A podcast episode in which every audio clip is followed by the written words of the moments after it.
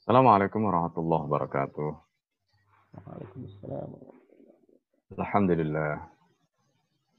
الحمد لله الذي أنعمنا بنعمة الإيمان والإسلام. الحمد لله الذي هدانا لهذا ما كنا لنهتدي لولا أن هدانا الله. أشهد أن لا إله إلا الله وحده لا شريك له.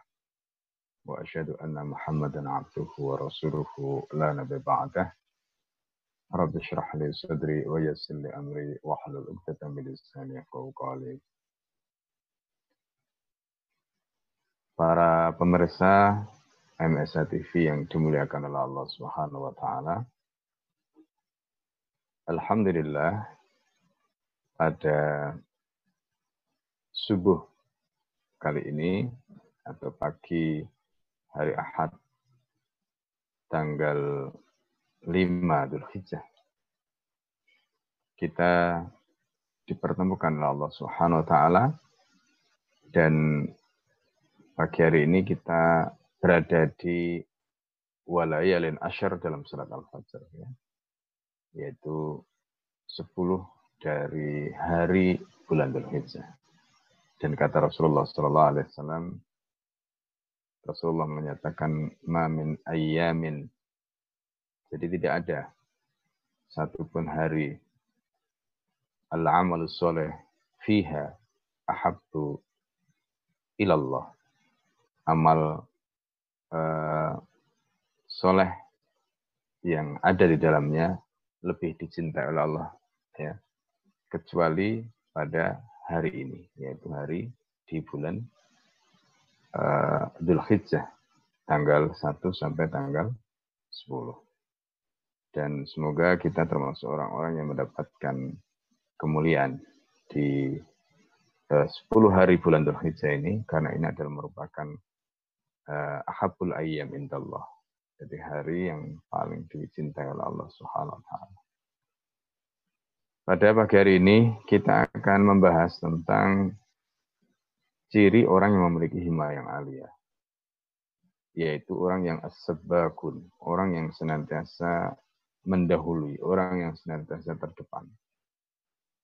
Di dalam segala hal, bukan hanya satu hal. Nah ini penting untuk kita pahami. Perlu kita ketahui, untuk menjadi orang yang terdepan dalam segala hal itu tentu ada kata kuncinya, tentu ada yang menjadi pangkalnya. Kalau kita perhatikan ulama-ulama di masa lalu atau eh, tokoh-tokoh di masa lalu, mereka itu bukan hanya hebat pada satu aspek. Kalau kita perhatikan ulama-ulama di masa lalu, mereka luar biasa. Menguasai berbagai disiplin. Mereka menonjol dalam segala hal.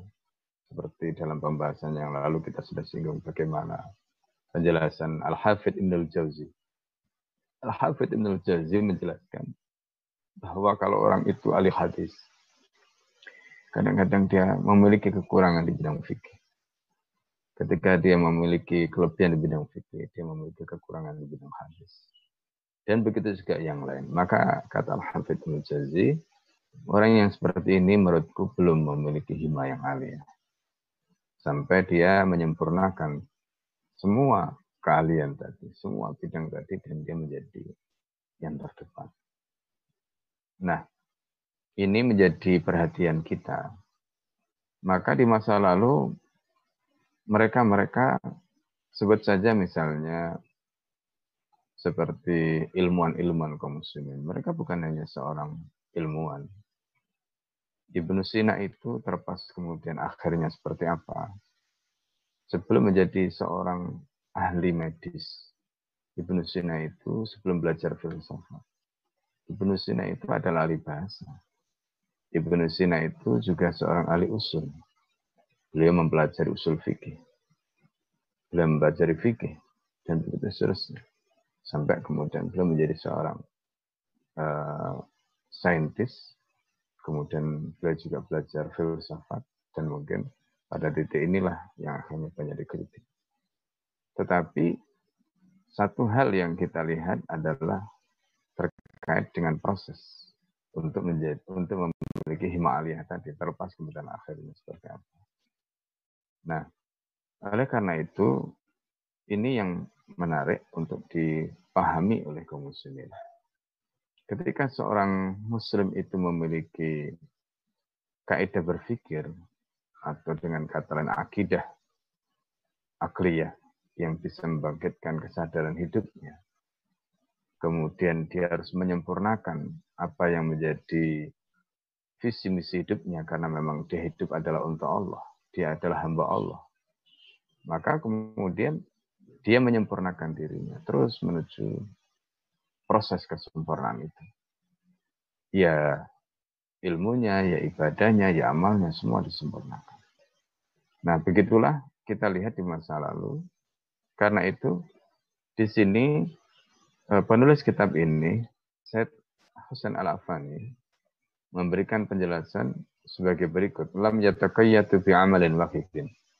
Jadi orang-orang yang memiliki himah yang tinggi itu, orang-orang yang as-sabakun tadi itu, orang-orang yang uh, juara atau yang mendahului yang lain. Maka mereka itu tidak terikat hanya dengan satu amalan. Yajri alaihim ismuhu, di mana nama mereka ada di sana. Kemudian fayu'rafuna bihi duna ghairihi, mereka dikenal hanya dengan satu amalan itu. Sementara amalan yang lain tidak.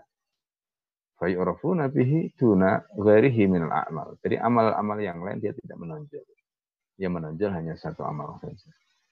Maka fa inna hadhi afatun fil ubudiyah. Ini adalah merupakan penyakit dalam pengabdian atau ibadah.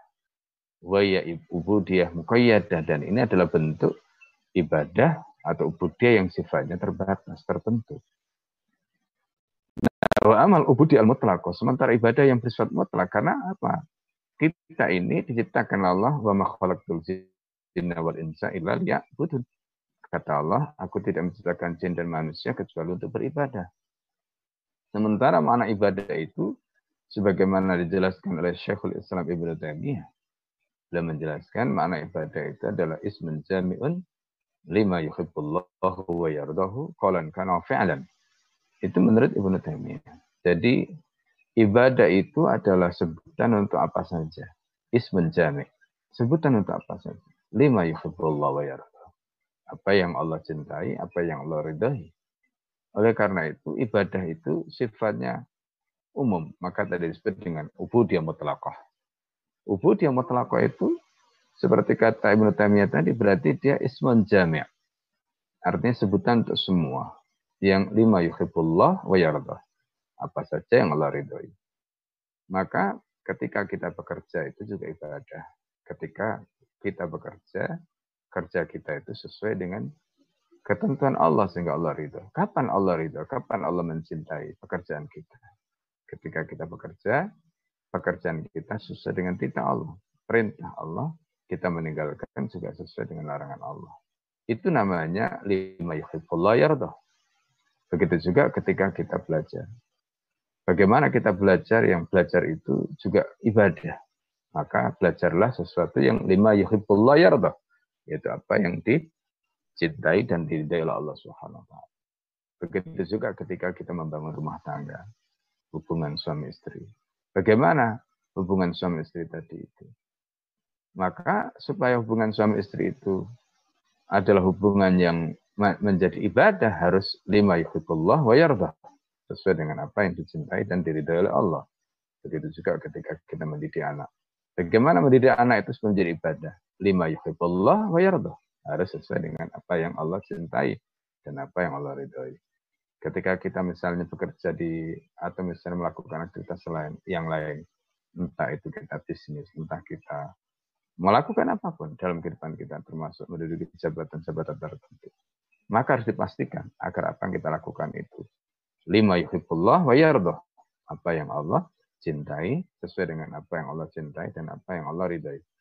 Nah, kalau semuanya itu kita lakukan lima yuhibbullah yardah sesuai dengan apa yang Allah cintai dan apa yang Allah ridhai, maka itu nilainya ibadah.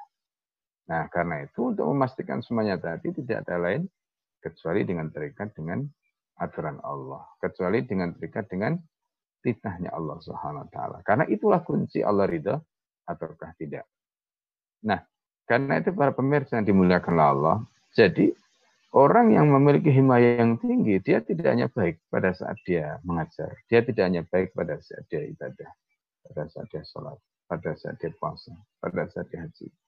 Tetapi dia juga menjadi orang yang terbaik, orang yang terdepan pada saat dia melakukan muamalah, pada saat dia bekerja, pada pada saat dia melakukan tugas-tugas. Dia menjadi orang yang terbaik. Oleh karena itu, tadi disebutkan, kalau dianya terbaik pada saat ibadah makhluk, ibadah seperti sholat, atau seperti puasa, atau seperti haji, maka itu belum cukup. Karena itu masih masuk dalam kategori amalin wahidin. Satu amal saja. Padahal mereka dituntut oleh Allah wa ma khalaqtul jinna wal insa illa liya'budun.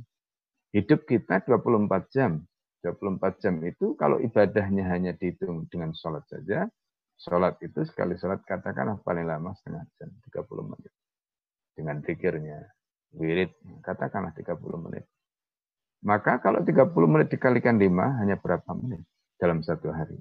Sementara dalam satu hari 24 jam. Sementara 24 jam itu kita dikatakanlah Allah, diritahkanlah Allah, wa ma khalaqtul jinna wal insa illa liya'budun. Aku tidak menciptakan jin dan manusia kecuali beribadah.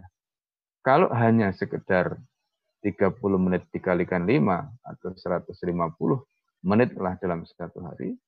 150 menit itu hanya berapa? Ya, hanya berapa jam dalam satu hari. Sementara dalam satu hari ada 24 jam. Bagaimana kita akan mempertahankan sisa dari 150 menit itu di hadapan Allah Subhanahu wa taala. Nah, inilah yang harus kita pahami. Maka semua harus kita pastikan supaya bernilai ibadah maka kuncinya tadi lima yuhibbullah wa yardah. Harus sesuai dengan apa yang Allah cintai dan apa yang Allah ridai. Nah karena itu disebutkan, jadi kalau orang itu hanya uh, terikat dengan satu amalan dan dia menganggap itu sudah cukup, maka itu afatun fil ubudiyah, itu penyakit dalam ibadah. Ya, itu adalah merupakan penyakit dalam ibadah. Nah, karena itu di sini disebutkan wa amal ubudiyatu al mutlaqah fala yu'rafu sahibu bismin muayyanin min ma'ani asma'iha. Jadi maka ibadah yang mutlak itu orangnya tidak dikenal dengan nama tertentu ya dari makna-makna nama-nama tadi itu.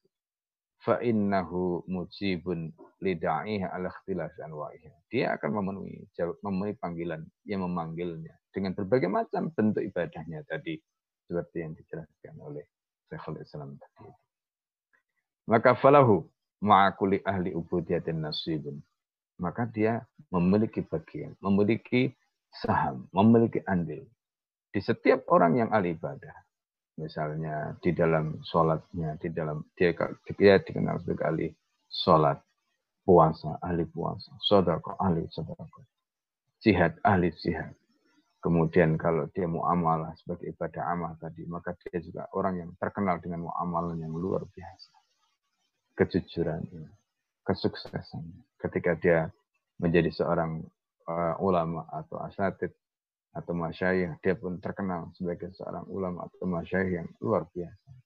Ketika dia menjadi seorang, katakanlah tetangga, juga menjadi tetangga yang baik ketika dia misalnya menjadi suami, dia juga terkenal menjadi suami yang baik. Artinya pada setiap uh, ahli ibadah tadi itu dia punya nasib, dia punya saham, dia punya bagian dan seorang menyebut masya Allah orang ini luar biasa. Keluar dengan keluarganya luar biasa, dengan anak-anaknya luar biasa, dengan orang tuanya luar biasa, dengan tetangganya luar biasa. Kalau dia menjadi penguasa dengan rakyatnya luar biasa. Kalau dia menjadi rakyat maka dengan ya uh, penguasanya dia luar biasa. Ini namanya ahli ibadah yang sesungguhnya. Yang disebut tadi itu ibadah atau ubudiyah mutlaqah tadi itu. Dan dia punya saham pada setiap bagian itu subhanallah. Inilah yang diinginkan Allah. Wa jinna wa insa illa liya'budun. Maka di situ disebutkan falahu ma'akuli ahli ubudiyatin nasibun yadrabu ma'ahum bisahmin. Jadi ada saham yang di tulis atas nama mereka. Karena itu fala yataqayyad birasmin wala isyarah. Dia tidak terikat dengan satu bentuk, satu gambaran, satu penunjuk. Wala ismin wala zayin, satu nama, satu apa namanya, katakanlah uh, tanda.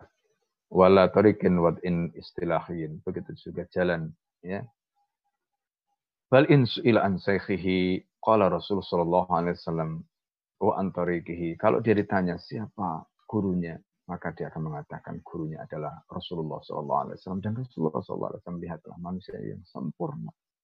Ibadahnya sempurna. Ketika menjadi seorang ayah sempurna, menjadi seorang kakek sempurna, menjadi seorang cucu sempurna, menjadi seorang anak sempurna, menjadi seorang muallim guru sempurna, menjadi seorang panglima sempurna, menjadi seorang bisnismen sempurna, menjadi seorang tetangga sempurna, menjadi imam sempurna, sempurna. Itu karena apa? Sahnya adalah Rasulullah Shallallahu Alaihi Wasallam.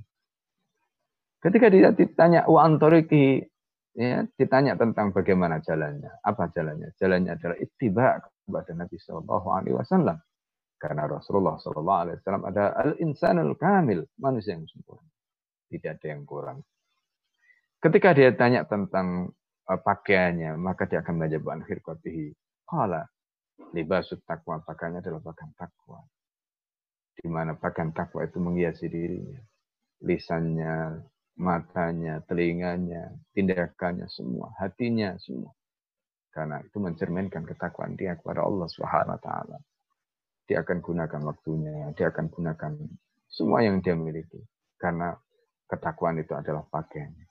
Ketika dia tanya wa'an madhabihi, ketika ditanya seperti apa madhabnya kola tahkimus sunnah, maka dia akan katakan sunnah itu adalah pemutusnya, sunnah itu adalah standarnya, mikyasnya, subhanallah. Ketika dia tanya tentang tujuan dan maksudnya, termasuk apa yang dia cari, dia kemudian mengatakan yuridu nawajah. Seperti disebutkan dalam surat Al-Kahfi ayat 28. Mereka hanya mengendaki Allah. Mereka melakukan amal semata-mata karena Allah Subhanahu wa taala. Bukan melakukan amal karena siapa. Dia sempurna bukan karena ingin dipuji. Dia melakukan kesempurnaan itu semata-mata karena itu adalah titah Allah Subhanahu. Inilah yang membuat dia luar biasa. Itulah yang tadi saya sampaikan di awal.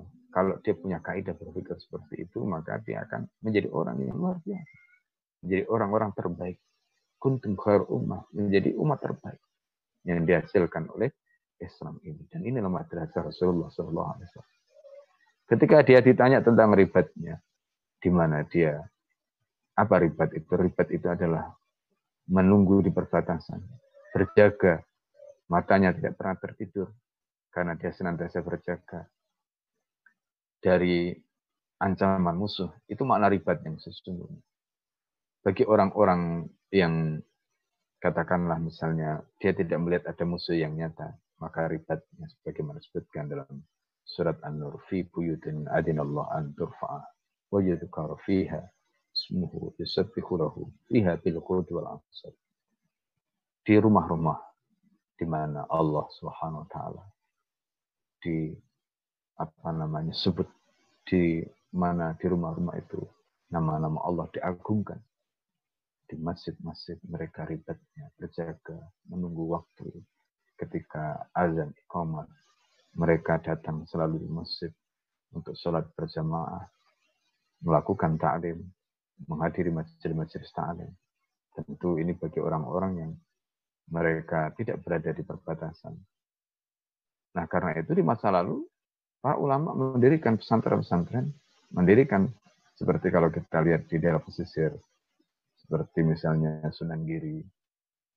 Maka kalau kita lihat tempat yang didirikan atau dibangun itu di daerah pesisir, karena dulu tempat di pesisir itu adalah merupakan tempat-tempat ribat. Masjid didirikan di situ. Sekaligus mereka berjaga. Mereka zikir, mereka mengagungkan nama Allah. Mereka mendawamkan memunajat ibadah, minta pertolongan pada Allah tempat itu. Yusabbihu fiha di mana dibertasbih pada Allah di tempat-tempat tadi bil wudu langsung di waktu pagi dan petang. Di sini disebutkan rijalun la tulhihim tijarah. Mereka itu adalah kesatria-kesatria yang tidak dilalaikan oleh perdagangan mereka. Wala bayun, begitu juga perdagangan. Andikrillah, sehingga mereka lupa mengingat Allah. Para sahabat bukan mereka tidak bekerja. Mereka bekerja. Begitu memasuki waktu adzan mereka tinggalkan tempat mereka. Mereka menuju panggilan Allah Subhanahu wa taala. Rasulullah sallallahu alaihi wasallam dalam hadis Bukhari menceritakan bagaimana terkena ketika suara adzan berkumandang. Maka Rasulullah Shallallahu Alaihi Wasallam kata Aisyah, sampai aku di sampingnya pun seolah-olah tidak dikenal. Saking begitu kuatnya panggilan Allah itu menggetarkan hati baginda Nabi Muhammad Sallallahu Alaihi Wasallam. Wa mereka juga meletakkan sholat wa ita zakat dan mereka juga menunaikan zakat. Jadi pendek kata, inilah yang merupakan gambaran sebagaimana gambaran yang ditunjukkan oleh Rijal di masa lalu. Orang-orang yang luar biasa. Ini disebutkan dalam surat An-Nur ayat 36 sampai 37. Kemudian ketika dia ditanya nasabnya, tanya orang tuanya. Wa anna sabiqala abil Islam. Ayahku adalah Islam. La aba li siwahu. Aku tidak punya orang tua yang lain kecuali Islam. Idaf tahoru bikoisin autamimin. Ketika mereka bangga dengan Kois atau Bani Tamim dan seterusnya. Maka orang ini bangga dengan Islam. Salman Al-Farisi dalam perjalanan panjangnya mencari kebenaran sampai akhirnya terdampar dan bertemu dengan Rasulullah SAW. Dan kemudian Salman Al-Farisi menyatakan ketika ditanya, anak Ibnu Islam, aku adalah putra Islam. Begitulah. Ketika Salman Al-Farisi memberikan jawaban seperti itu, maka memotong semua nasab yang lain di luar Islam. Karena di masa lalu masih ada kebanggaan-kebanggaan pada nasab atau suku-suku jahiliyah di masa lalu. Nah, inilah gambaran yang diajarkan oleh Rasulullah SAW. Maka karena itu, karena itu ketika Islam mengajarkan kemuliaan seperti ini, maka dalam seluruh aspek tadi, seluruh aspek, maka dia akan menjadi orang yang terbaik, maka dia akan menjadi orang yang terdepan. Nah inilah gambaran dari orang yang memiliki hima yang aliyah tadi itu. Bagaimana mereka betul-betul akhirnya lahir menjadi sosok-sosok yang luar biasa. Nah mereka inilah yang disebut Ulaika dakhairullah khasukan. Mereka ini menjadi menjadi apa namanya perbendaharaan Allah di mana pun mereka berada. Oleh karena itu, ketika mereka waha lama kanu masturina anin nas fi asbabihim. Ketika orang-orang seperti ini mastur, orang-orang seperti ini nggak tampak di mata orang dengan sebab-sebab mereka, ghair musyarin lahim wala mutamayyizina bi tunan nasi. Kemudian mereka tidak kelihatan, ya, tidak bisa ditunjuk karena nggak kelihatan, karena mereka melakukan semuanya itu karena Allah Subhanahu Wa Taala. Mereka melakukan semuanya itu bukan bukan karena ingin ria, mereka melakukan semuanya itu bukan karena pujian manusia. Nah, karena itu kita melihat orang-orang seperti ini, orang-orang seperti ini terkadang tidak tampak secara penampilan. Seperti kisah misalnya Abu Bakar As-Siddiq. Kita bisa melihat ketika Abu Bakar As-Siddiq dari segi penampilan pakaian begitu sederhananya. Dan bagaimana Abu Bakar As-Siddiq saking sederhananya sampai malaikat Jibril alaihissalam bertanya kepada Rasulullah SAW ketika melihat malaikat Jibril. Ini peristiwa yang terjadi di Madinah. Ketika itu Rasulullah sedang bersama malaikat, sedang bersama Abu Bakar Siddiq radhiallahu anhu. Waktu itu Abu Bakar memakai pakaian yang sebenarnya kurang layak. Kemudian malaikat Jibril bertanya kepada Rasulullah, "Ya Rasulullah, is'al Abu Bakar, tanya kepada Abu Bakar." Ya, maka selama apa yang terjadi padanya? Apa yang terjadi pada Abu Bakar? Rasulullah Shallallahu Alaihi Wasallam memberikan jawaban, "Fa'innahu qad anfaqa hatta qabla al-fath." Abu Bakar itu sudah mendermakan hartanya. Semua hartanya didermakan Abu Bakar dan kita tahu Abu Bakar ketika berinfak terdepan. Kalau kita lihat ibadahnya Abu Bakar terdepan. Subhanallah. Umar bin Khattab radhiallahu an ketika berinfak kalah dengan Abu Bakar. Dan itu yang membuat Rasulullah Sallallahu Alaihi Wasallam sampai bertanya kepada Abu Bakar, kamu infakkan semua hartamu, lalu apa yang kamu akan gunakan untuk menjamin keluargamu? Maka Abu Bakar mengatakan, kafabillahi wa rasulih kafir. Maka cukup bagiku Allah dan Rasulnya menjadi pemberani. Subhanallah. Umar bin Khattab radhiallahu ketika itu mengatakan, Kot sabakani Abu Bakar. Abu Bakar selalu mendalui aku. Karena Abu Bakar bisa menginfakkan seluruh hartanya, umarnya separuh, sebagian hartanya. Itulah Abu Bakar itu. Maka Rasulullah mengatakan kepada Jibril, Fa'innahu qad anfaqa malahu hatta qabla al Dia sudah menginfakkan semua hartanya sampai sebelum menaklukkan kota Mekah. Kemudian malaikat Jibril bertanya kepada Rasulullah SAW, Is'al ya Muhammad. Is'alhu ya Muhammad. Tanyalah kepada dia ya Muhammad. Aradiyati mafa'ala. Apakah Abu Bakar itu dengan apa yang dia lakukan? Maka kemudian Rasulullah bertanya kepada Abu Bakar. Ya Abu Bakar, aradiyati mafa'ala. Apakah kamu ridho dengan apa yang sudah kamu lakukan dalam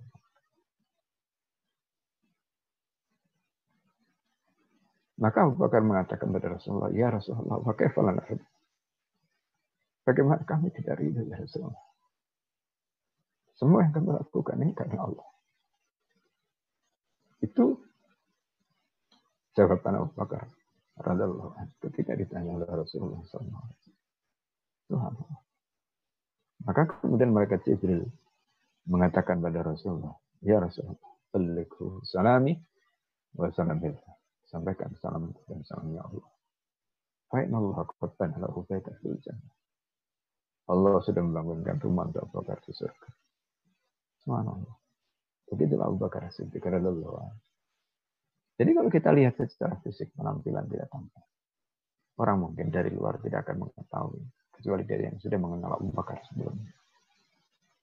Ini yang disebut orang-orang yang disebut tadi itu sebagai mastur, orang-orang yang tidak kelihatan kecuali mereka yang sudah mengenal. Tidak tampak fisiknya, tidak tampak penampilannya, karena penampilannya biasa-biasa. Tetapi orang-orang seperti ini, subhanallah, amalnya luar biasa. Nah, para pemirsa Masa TV yang dimuliakan oleh Allah Subhanahu wa taala. Inilah gambaran, inilah gambaran yang ditunjukkan oleh Rasulullah dan para sahabatnya. Gambarannya tunjukkan oleh orang-orang yang memiliki himmah yang alia. Nasihat yang sama disampaikan oleh Abu Yusuf kepada Khalifah Harun al-Rashid sebagaimana dalam kitab yang kharam. Di dalam di dalam mukaddimah kitab yang kharam itu Abu Yusuf memberikan nasihat kepada Harun al-Rashid Khalifah. Salah satu di antaranya adalah jadilah kamu orang yang terdepan dalam segala hal kata Abu Yusuf al-Rashid. Karena kitab Al-Kharaj ini ditulis oleh Abu Yusuf untuk dipersembahkan pada sang khalifah pada waktu itu. Dan kita lihat bagaimana Harun ar-Rasyid. Harun ar-Rasyid, subhanallah. Beliau selama kurang lebih 32 tahun berkuasa. Beliau setiap tahun, kalau tidak tahun ini berziarah, tahun berikutnya berhaji terus. Maka tidak hanya itu. Ketika beliau berat, ketika beliau menunaikan ibadah haji, beliau datang ke majelis ilmunya para ulama, termasuk di antaranya di majelis ilmunya Imam Malik. Dan ketika di Madinah, Harun ar-Rasyid ditegur oleh Imam Malik karena dia anggap adabnya tidak sopan. Ketika itu Harun ar-Rasyid sedang duduk di majelis Imam Malik. Kemudian duduk sambil bersandar, kakinya selonjoran, ditegur oleh Malik. Karena ini adalah tabiat atau karakter di majelis ilmu yang dianggap tidak sopan. Seorang khalifah, Amirul Mukminin, ditegur oleh seorang ulama, Imam Malik. Apa sih apa yang kemudian dilakukan oleh Amirul Mukminin? Dia taat, sami'na wa ta'ala. Kami dengar dan kami mentaati. Begitulah gambaran yang ditunjukkan oleh seorang Harun ar-Rasyid. Dan akhirnya kita lihat bagaimana Harun ar-Rasyid terkenal ilmunya, ketakwaannya, prestasinya. Luar biasa. Dan itulah salah satu nasihat yang saya berikan oleh Abu Yusuf di dalam kitabnya Al-Kharaj kepada sang khalifah yang agung. Namanya kemudian Harun. Dan lihatlah bagaimana Harun ar-Rasyid menggetarkan singgasana Nakfur rasa Romawi. Kalimatnya yang begitu luar biasa. Min Amirul Mukminin Harun ar-Rasyid ila Nakfur kila Rum. Dari Amirul Mukminin Harun ar-Rasyid kepada anjing Romawi. Nakfur. Kalimat yang membuat makfur ketika itu. Betul-betul ketakutan. Subhanallah. Ini adalah gambaran bagaimana orang-orang yang biasa, bukan sahabat Nabi, bukan Nabi, tapi dibentuk oleh Islam dengan karakternya yang kuat. Karena imannya, karena ketakwaannya, karena libas takwa tadi. Dan karena cara berpikirnya, mindset yang benar, dengan akidah akliyah, yang memancarkan yang basiku anhanullah, memancarkan sistem. Itu yang membuat visi hidupnya, misi hidupnya. Begitulah gambaran bagaimana orang-orang yang memiliki hima yang luar biasa. Dan semoga kita semuanya bisa mendapatkan atau bisa menjadi dahairullah, bisa menjadi perbendaharaan Allah Subhanahu wa taala di mana pun kita berada. Ketika kita menjadi ahli ibadah di masjid, ketika kita menjadi guru, ketika kita menjadi anak, ketika kita menjadi orang tua, ketika kita menjadi suami, ketika kita bisnis, ketika kita bertetangga, ketika kita di mana pun kita bisa menjadi dakhairullah. Dan itu kuncinya adalah dengan senantiasa terikat dengan hukum, terikat dengan ketentuan Allah. Melakukan semuanya itu karena Allah, bukan karena yang lain. Tidak yang ditakuti oleh orang-orang yang menjadi dakhairullah tadi itu, kecuali Allah Subhanahu Karena dia tidak mencari yang lain. Dia tidak mencari popularitas, dia tidak mencari jabatan, dia tidak mencari apa pun. Yang dia lakukan semata-mata karena Allah Subhanahu wa. Amalnya semuanya karena Allah. Karena dia tahu dunia ini hanyalah merupakan tempat untuk menanam. Dunia ini adalah tempat dia untuk menanam dan menanam, melakukan amal soleh sebanyak-banyak. Dan di akhirlah dia akan menuai apa yang dia tanam pada hari ini. Dan Allah menyatakan wala taziru waziratun ukhra kita tidak akan bisa memetik tanaman yang ditanam oleh orang lain. Kecuali tanaman yang kita tanam sendiri. Apa yang kita tanam itu yang akan kita petik. Kejujuran, ketulusan, keikhlasan, dan semuanya. Itu yang akan kita. Orang memberikan respon pada kita. Ketulusan kita. Seperti kata Ibn Mas'ud. Kamu jangan bertanya tentang cinta orang lain pada diri tapi tanyalah cintamu kepadanya. Respon orang lain itu sesuai dengan respon hati. Maka al jazak jinsul amal kata para ulama seperti kata Ibnu Katsir dalam tafsirnya. Balasan yang kita dapatkan itu karena amal kita.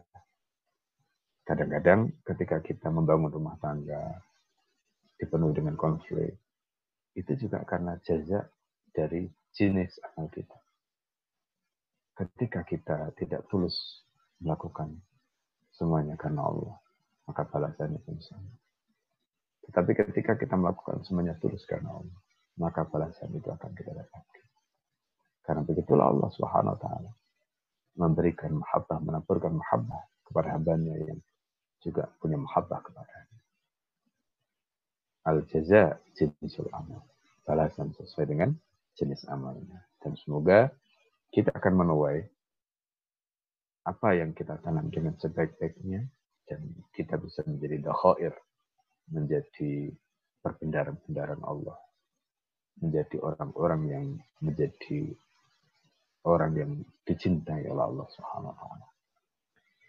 Saya kira itu yang saya bisa sampaikan dan semoga apa yang disampaikan tadi disampaikan manfaat kepada kita semua dan menjadi ilmu yang bisa kita amalkan dalam seluruh aktivitas kehidupan kita, dalam seluruh aspek kehidupan kita. Dan semoga Allah Subhanahu wa taala menjadikan kita menjadi orang-orang yang senantiasa mendapatkan taufik dan hidayahnya. Sehingga jalan hidup kita tertata, jalan hidup kita terbimbing dengan bimbingan Allah Subhanahu wa taala. Dan semoga inilah jalan yang akan mengantarkan kita untuk mendapatkan kebahagiaan di dunia dan juga di akhirat.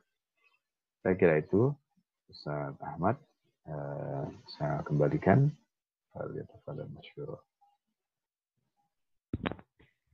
Alhamdulillahirrahmanirrahim. Sahabat MSA yang dirahmati Allah, sudah kita simak bagaimana tentang eh, orang-orang uh, yang terdepan dalam himmahnya. Ya, kita tadi diberikan uh, contoh Abu Bakar As-Siddiq, sahabat Nabi Muhammad SAW yang terdepan dalam ibadahnya, terdepan dalam dakwahnya, terdepan dalam infaknya, dan juga terdepan dalam uh, segalanya. Maka kemudian uh, mungkinkah kita pelaku umatnya itu menjadi orang-orang yang terdepan dalam amalnya? Tentu saja bisa. Karena Allah Subhanahu wa taala memberikan potensi yang sama buat setiap manusia. Uh, beberapa tips tadi disampaikan oleh Kiai Haji Hafiz Abdul Rahman adalah mengamalkan uh, semua amalan ibadah kita, semua amalan aktivitas kita sehari-hari ini bisa menjadi ibadah di depan Allah Subhanahu wa taala asal apa yang kita amalkan, apa yang kita lakukan adalah amalan yang dicintai Allah Subhanahu wa taala. Berarti amalan yang kita lakukan harus sesuai dengan uh, syariat Allah Subhanahu wa taala. Maka yakinlah ketika amalan itu baik berkaitan dengan masalah pekerjaan kita, baik yang berkaitan dengan uh, aktivitas dengan keluarga kita atau apa pun itu selama dikerjakan sesuai dengan perintah Allah, maka yakinlah itu menjadi amalan ibadah yang dicatat sebagai sebuah kebaikan bagi kita semua. Baik, sahabat MSA TV yang dirahmati Allah Subhanahu wa taala, silakan bagi sahabat yang ingin menyampaikan pertanyaan atau juga uh, pernyataan yang berkaitan dengan tema pada kesempatan kita kali ini dipersilakan untuk bisa mengetiknya di ruangan uh, chat di YouTube ya. Uh, baik, ada pertanyaan dari uh, Devita Devira Aulia kayak ini. Devira Aulia. Pertanyaannya adalah, Assalamualaikum Ustadz. Eh, bagaimana bagaimana menghadapi keluarga yang menolak dakwah secara ekstrim? Nah, ini berarti ada keluarga yang menolak dakwah secara ekstrim, bahkan tidak mau sedikit pun mendengar atau membaca meski sudah disampaikan dengan cara sebaik mungkin. Uh, ujung-ujungnya selalu uh, ricuh atau mungkin uh, ada percekcokan uh, kalimat atau perkataan. Nah, bagaimana Pak Kiai menghadapi seperti ini? Yang pertama, yang pertama harus dipahami uh, bahwa kita berdakwah karena Allah. Kita dakwah karena Allah dan apa yang kita hadapi itu juga bagian dari ujian yang Allah Subhanahu wa taala berikan. Karena itu sifat yang harus kita tunjukkan adalah sabar sikap yang harus kita tunjukkan adalah sikap yang sabar teguh. Teguh dalam memegang keyakinan dan selalu bersabar menghadapi uh, ujian-ujian uh, seperti itu. Dengan kesabaran, dengan keteguhan, kemudian kita tetap istiqomah. Pada saat yang sama kita menampilkan akhlak yang terbaik. Tidak menunjukkan permusuhan, kalau misalnya sudah mulai mengarah kepada percekcokan atau perdebatan. Seperti disebutkan dalam Al-Quran, wa jahiluna qalu. Kadang-kadang kalau kita diajak berdebat orang bodoh, anggaplah ini orang jahil. Mungkin karena, bukan kan, bisa jadi jahil memang karena ilmu. Bisa jadi jahil itu karena mungkin dia mengerti tapi kemudian tertutup dengan kedengkian. Maka ya kita harus bersikap salam. Artinya tidak boleh kemudian kita juga melakukan perlawanan dengan kekerasan atau melakukan tindakan yang justru bisa semakin memperuncing keadaan. Jadi seperti dalam ayat yang lain Allah mengingatkan pada Nabi bagaimana kerasnya orang kafir ketika menghadapi dakwah Rasulullah SAW. Maka Allah katakan pada Nabi, walau kunta faddan khalidal qalbi. Kalau hatimu juga keras seperti mereka. Lan faddu min. Kata lan faddu min itu diartikan atau dijelaskan seperti gelas yang pecah. Ketika jatuh dari atas.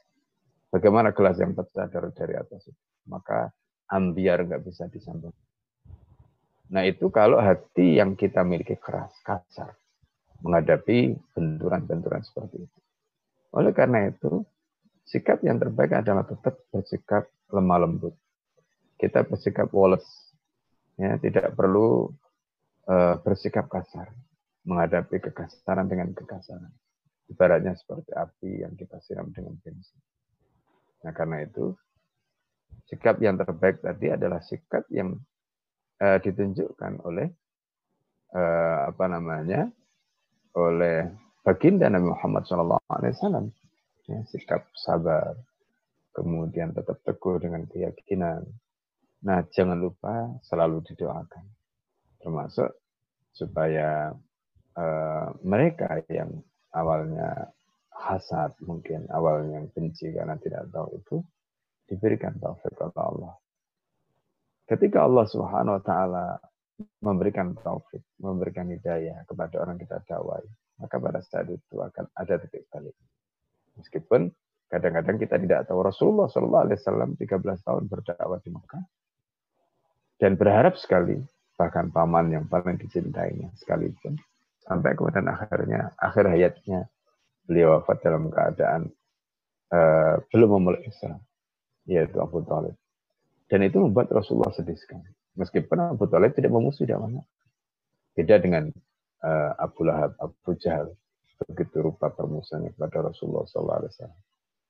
Dan terhadap Abu Talib, Rasulullah ketika pada saat menunggunya sedang sakaratullah. Rasulullah bersedih sekali karena tidak bisa meyakinkan sampai kemudian akhirnya wafat dalam keadaan belum masuk.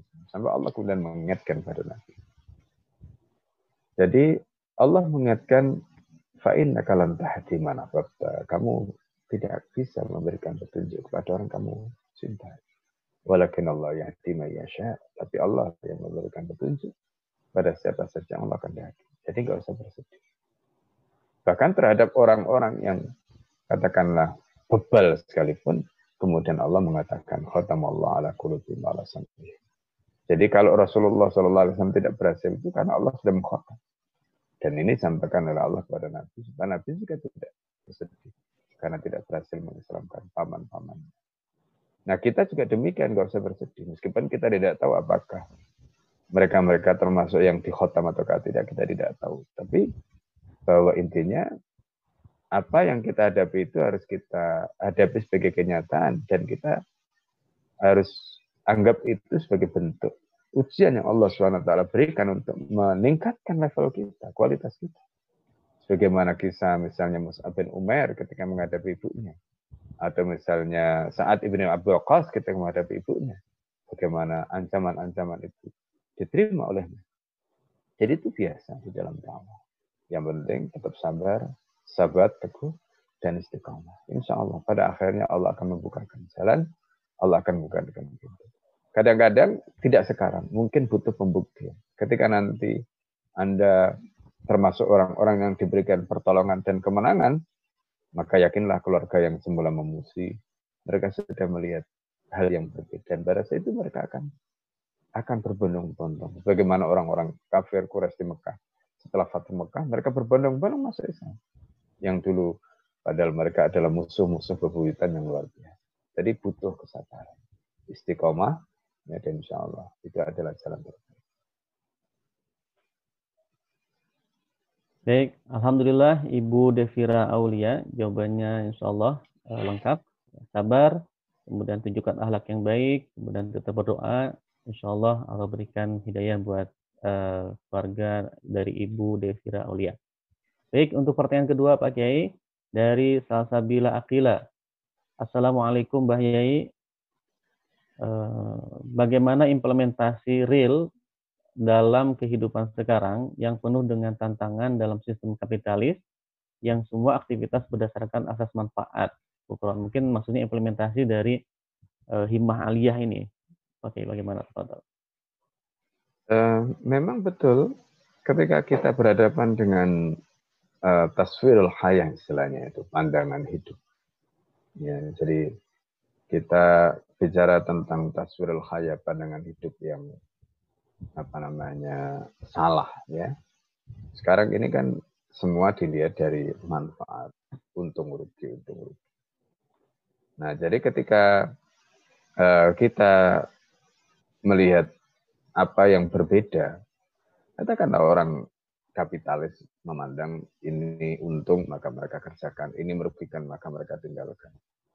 Nah, uh, taswirul seperti ini memang berbeda dengan Islam karena Islam pandangannya adalah bukan uh, benefit tapi halal dan haram. Nah karena itu kalau pertanyaannya bagaimana menghadapi pandangan hidup seperti ini ya kita jangan ikut. Ya, kita jangan ikut, tapi tidak berarti kemudian uh, kita tidak boleh mendapatkan keuntungan. Nah, ini juga salah. Jadi misalnya begini contoh. Uh, ini pentingnya kita harus detail di dalam memahami persoalan. Misalnya begini, kita bekerja. Bekerja itu ingin mendapatkan nilai dalam bentuk materi yang disebut dengan kimah madiyah. Berarti apa? Kalau kita bekerja, kita harus mendapatkan sesuatu berupa materi. Entah itu gaji, entah itu bonus, atau apa. Ini namanya kimah madiyah, nilai materi. Ketika kita mencari nilai materi ini, bukan berarti pandangan kita berubah geser dari halal haram kepada pandangan manfaat tidak. Tapi yang benar adalah bahwa di dalam setiap perbuatan itu ada nilai yang kita cari. Ketika kita bekerja, nilainya tentu nilai materi. Tetapi jangan lupa bahwa ketika kita mengejar nilai materi tadi, bagaimana tetap dinilai ibadah oleh Allah. Maka caranya harus terikat dengan pandangan hidup Islam, yaitu halal dan haram. Tidak boleh karena mengejar materi, lalu kemudian kita mengorbankan prinsip halal dan haram, sehingga semua uh, diterjang, semua dilanggar. Tidak boleh karena hanya ingin mendapatkan bonus, kemudian kita misalnya menusuk teman kita supaya kita dapat bonus, atau kita misalnya memanipulasi supaya kita mendapatkan sesuatu. Ini tidak boleh. Ya, artinya di satu sisi ada nilai materi yang boleh kita dapatkan, tapi caranya harus cara yang benar sesuai dengan ketentuan Allah. Islam tidak melarang kita kaya. Islam tidak melarang kita memiliki materi. Yang penting adalah caranya. Nah, inilah yang nanti akan membedakan antara Islam dengan kapitalis. Ya. Kita boleh punya rumah, kita boleh punya mobil, kita boleh punya macam-macam. Tapi perhatikan, apakah cara kita benar? Dibenarkan oleh Allah atau tidak. Kalau caranya salah, tidak boleh. Kalau caranya haram, tidak boleh. Ya. Misalnya kita bekerja. Kita bekerja harus amanah. Nah, bagaimana supaya kita amanah? Amanah itu menjadi komitmen dari kita. Dan sifat orang munafik itu di antaranya adalah dia ketika dia melakukan amal, dia tidak amanah. Tidak itu minakhona. Jadi ini adalah gambaran yang harus kita pahami ketika kita melakukan amal.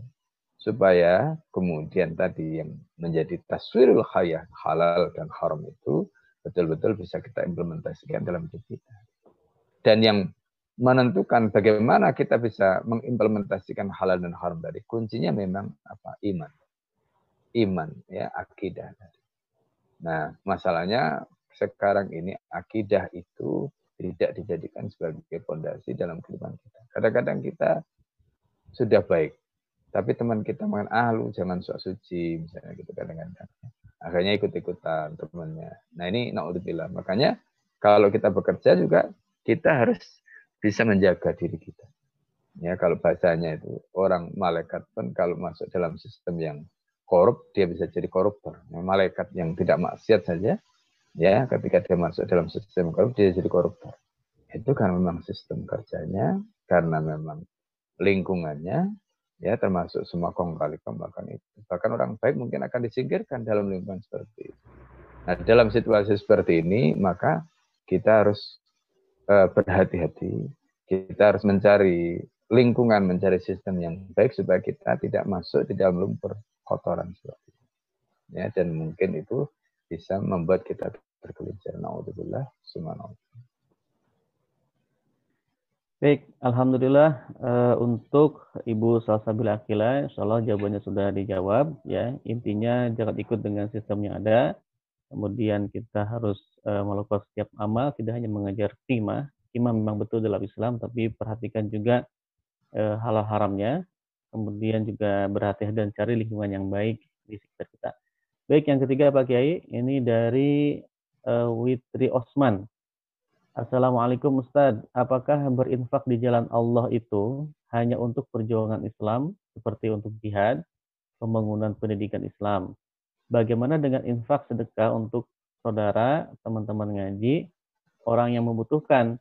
Mana yang lebih utama dari kedua hal di atas syukuran?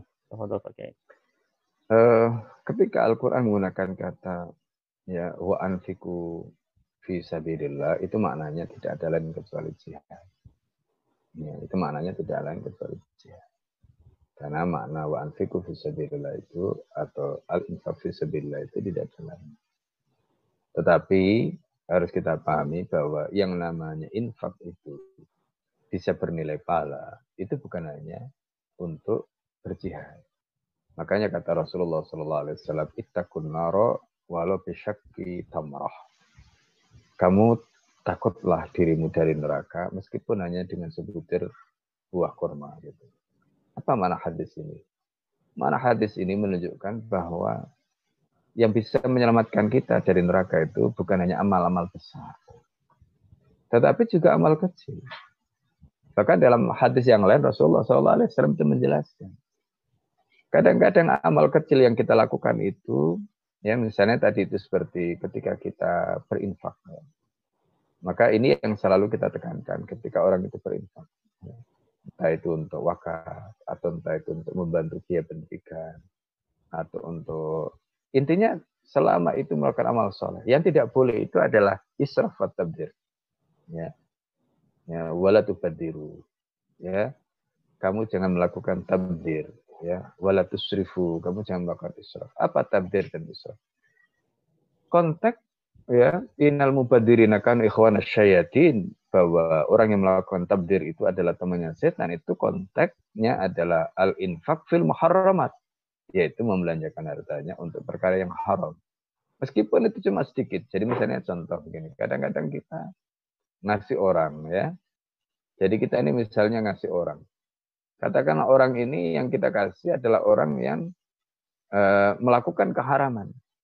Ya, misalnya contoh ini ada, mohon maaf ya, kalau misalnya ini ada orang yang eh, misalnya itu perempuan ya nyanyi ya. Nyanyinya itu nyanyi yang nggak senonoh misalnya gitu kemudian minta duit. Ini nggak tidak boleh. Nah kemudian kita tidak boleh mengasih meskipun itu hanya sedikit. Ngasih meskipun hanya sedikit untuk kasus seperti ini itu termasuk dalam konteks al-infak fil muharamat yaitu infak dalam perkara haramkan meskipun itu cuma sedikit ya. Jadi karena tidak dilihat sedikit atau banyaknya. Sebagaimana orang yang melakukan sedekah dalam ketaatan kebaikan itu tidak dilihat sedikit atau banyaknya. Maka kata Nabi tadi ittaqullah walau hisyak kita marah jadi kamu itu e, bertakwalah kepada Allah takutlah kepada Allah meskipun hanya dengan e, apa namanya se sebutir ya. Atau mungkin nggak ada sebutir itu ya. E, kalau korma itu kan kita bisa belah kita bisa supaya mungkin cuma sedikit ya karena orang bisa kena laparan dan kita mungkin tinggal hanya punya cuma segitu kita berikan. Allah maka ini menunjukkan bahwa sekecil apa pun infak itu ya itu kalau kita lakukan lewat jilah karena Allah maka itu berharga dan kata Nabi Shallallahu Alaihi Wasallam kalau kamu tidak punya maka ya kalau kamu tidak punya dengan sakit tamroh tadi itu, kamu bisa infak dengan apa? Dengan kalimat thayyibah. Kalimat thayyibah itu tidak hanya dikir kepada Allah. Jadi misalnya begini, ada orang kelaparan, kita nggak bisa ngasih. Atau ada orang mendapatkan ujian, kita nggak bisa ngasih. Ya, kita tidak bisa ngasih materi, kita nggak bisa menolong dia. Maka dalam kasus seperti tadi, dalam kasus seperti tadi, kita bisa menghibur dia, memberikan semacam arahan, tausi, atau memberikan katakanlah eh, nasihat supaya dia tenang, supaya dia sabar, supaya dia eh, tidak putus asa misalnya, supaya dia terus berjuang, supaya dia terus ikhtiar. Ini juga bagian dari kalimat thayyibah. Ya, bagian dari kalimat thayyibah, nasihat yang dibutuhkan oleh orang seperti itu. Ya, Bukan ketika orang itu kesulitan malah kita maki-maki, malah kita marah-marah. Jadi bagi orang yang tidak punya harta meskipun cuma sedikit, kalimat thayyibah itu bisa sedekah.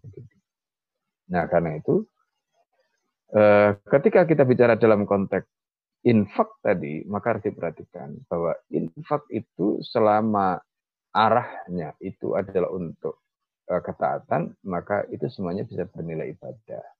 Dan dalam hadis yang lain, ya itu disebutkan apa yang kita infakkan itu itu digambarkan oleh Nabi Shallallahu Alaihi Wasallam itu di istilahnya itu Allah itu nanti akan merawat apa yang kita infakkan itu seperti kalian merawat anaknya ternak. Di mana anak ternak itu kita rawat dengan baik, kemudian tumbuh menjadi besar, kemudian setelah itu berkembang biak. Begitulah Allah merawat sedekah kita. Allah merawat sedekah kita meskipun itu cuma sedikit itu dirawat oleh Allah seperti kita merawat ternak tadi. Jadi itu Rasulullah gambarkan. Makanya jangan meremehkan sedekah yang sedikit, infak yang sedikit. Kalau kita punya sedikit, kita berikan. Jangan nunggu infak juga nunggu kalau kita kaya. Jangan nunggu infak kalau kita punya banyak enggak. Meskipun punya seratus. Ada yang, subhanallah ya, pengalaman kita mendirikan mat wakaf ini, ada orang yang rajin infak cuma 10 ribu, ada yang mungkin cuma 20 ribu, tapi istiqomah terus, subhanallah. Maka yakinlah seperti dalam hadis tadi, Rasulullah Shallallahu Alaihi Wasallam mengatakan begitu. Allah akan merawat infak yang sedikit tadi itu seperti kita merawat anak hewan ternak tadi. Sampai kemudian akhirnya membesar, membesar, membesar. Kalau itu semuanya dilakukan dengan ikhlas karena Allah. Subhanallah. Ya, ini luar biasa.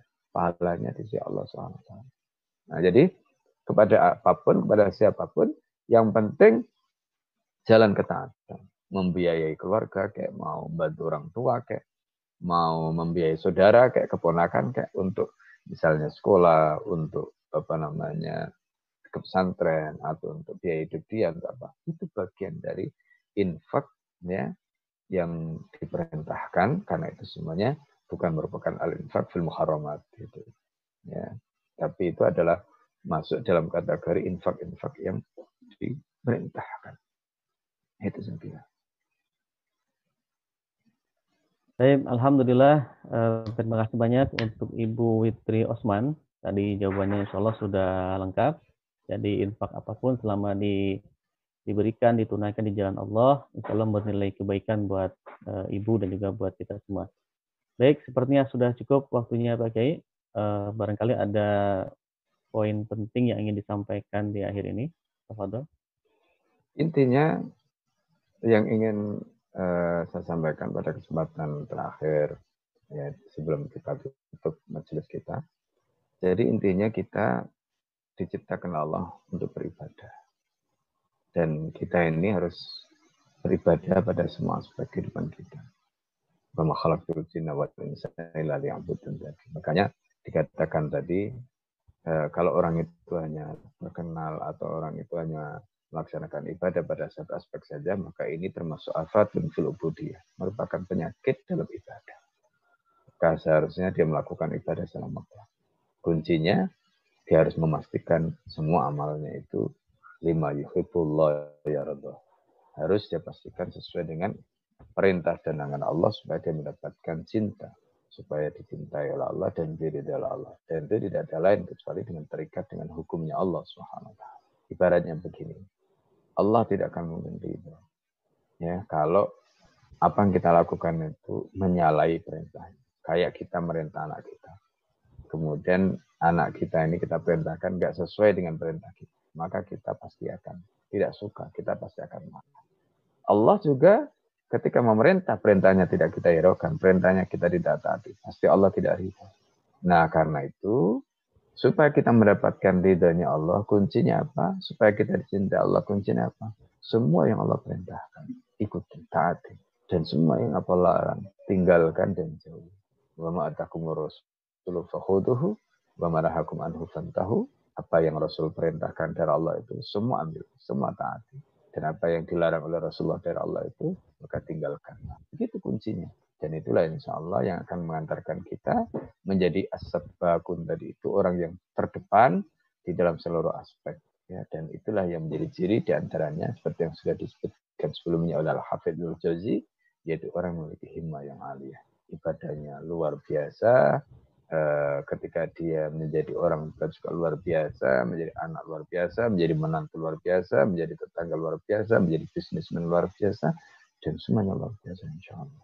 Nah inilah yang akan mengantarkan kita menjadi orang yang mendapatkan sa'adah fitarain, kebahagiaan dunia dan akhirat insyaallah. Saya kira itu poin pentingnya. Ya, mari kita tutup bersama-sama dengan baca doa. Semoga majelis kita diberkahi Allah Subhanahu wa taala. بسم الله الرحمن الرحيم. اللهم صل وسلم على سيدنا محمد الحمد لله رب العالمين. حمدا يعفي نعمه ويكافئ مزيده. يا ربنا لك الحمد كما ينبغي لجلال وجهك الكريم وعظيم سلطانك. اللهم اللهم إنا نسألك من الخير كله عاجله وعاجله. ما علمنا منه وما لم ونعوذ بك من الشر كله عاجله وعاجله. ما علمنا منه وما لم نعلم. اللهم إنا نسألك رضاك والجنة ونعوذ بك من سخطك النار اللهم ارزقنا علما نافعا ورزقا حلالا طيبا مباركا إن كان في السماء فانزله إن كان في الأرض فأخرجه إن كان بعيدا فقربه وإن كان قليلا فكثره وإن كان مؤثرا فيسره وإن كان حرما فطهره يا مجيب الدعاء اللهم يا مسهل الشديد ويا ملين ويا منجز الحميد ويا من كل يوم جديد أخرجنا من حلق الضيق إلى أوسع الطريق. كانت لا نطق ولا حول ولا قوة إلا بالله العزيز الحميد. اللهم لا تمتنا إلا ونحن مسلمون اللهم لا تمتنا إلا ونحن مؤمنون.